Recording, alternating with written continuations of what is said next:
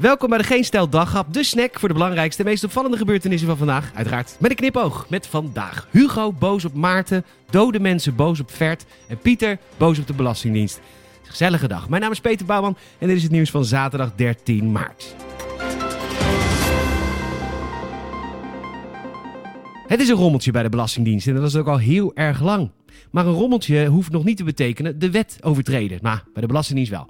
Pieter Omtzigt, gisteren bij ons de gast, kijk het vooral even terug op het Geenstel YouTube-kanaal, kreeg vandaag antwoorden op zijn vragen. Elf pagina's lang was de brief die hij kreeg van demissionair staatssecretarissen Veilbrief en Van Huffelen.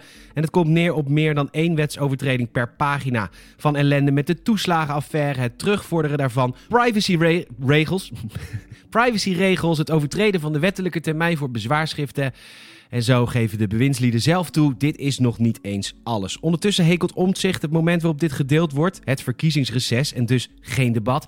Nou ja, het debat zou ongetwijfeld uitgebreid gevoerd worden, achter gesloten deuren bij de formatie. Sterkte ermee. Heb je ook wel eens dat als je je dode oma aan het bevredigen bent, dat je het vreemd vindt dat het niet strafbaar is? En dat is het ook helemaal niet. En dat vinden heel veel mensen vreemd. Dat schrijft de Volkskrant.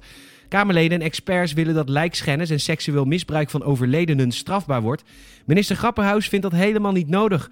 Twee jaar geleden nog werd een 18-jarige verdachte opgespoord nadat hij ijskoude seks had met een 76-jarige overleden vrouw. De jonge man werd opgespoord, maar kon niet berecht worden en ook kun je hem geen behandeling afdwingen. En dat is vreemd, zegt Wilma Duist, hoogleraar forensische geneeskunde en gezondheidsstrafrecht.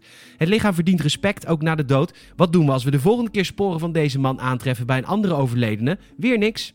Er is blijkbaar weinig onderzoek gedaan naar necrofilie, maar lijkschennis gaat lang niet altijd samen met moord of doodslag. Nou ja, de roep om de wet aan te scherpen groeit. Inmiddels zijn D66, GroenLinks, PvdA, SP en SGP voor.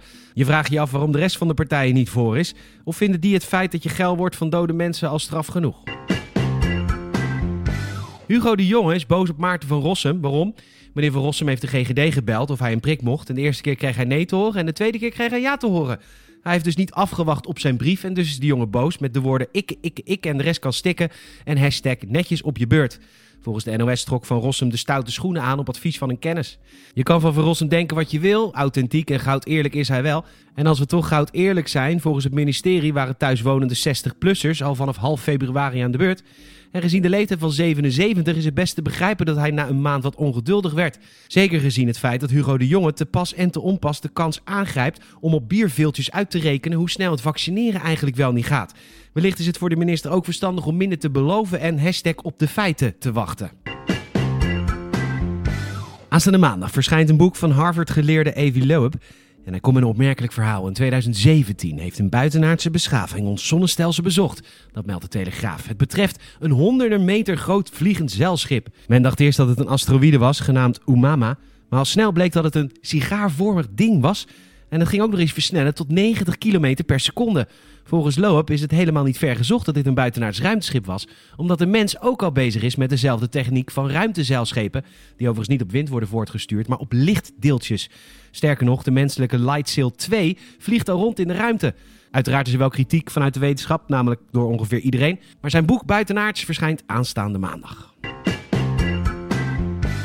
Telegraaf komt met een verhaal dat een 50-jarige man uit Piotr uit een Poolse stad inmiddels 192 keer is gezakt voor zijn theorie-examen voor het rijbewijs. De man doet al 17 jaar poging om het papiertje te halen en het wil maar niet lukken, dat meldt de Poolse NOS TVP. Normaliter doet de gemiddelde Pool er twee tot drie keer over. Deze man dus niet. En het heeft inmiddels omgerekend 1308 euro gekost. Wel goedkope examens daar trouwens, 6,80 euro per stuk. Ondertussen wordt er in de stad getwijfeld of iemand wel zoveel kansen moet krijgen. Want ja, als het dan 150 keer niet lukt, misschien moet je een andere, minder gevaarlijke hobby gaan zoeken. Overigens is hij wereldwijd niet het slechtst in theorie-examens. Een mevrouw uit Zuid-Korea kreeg het voor elkaar 950 keer te zakken. Bedankt voor het luisteren. we zouden het enorm waarderen als je een vriend of vriendin vertelt over deze podcast. En ook een Apple Podcast Review zouden we enorm waarderen. Maak er een mooie zondag van. Tot morgen.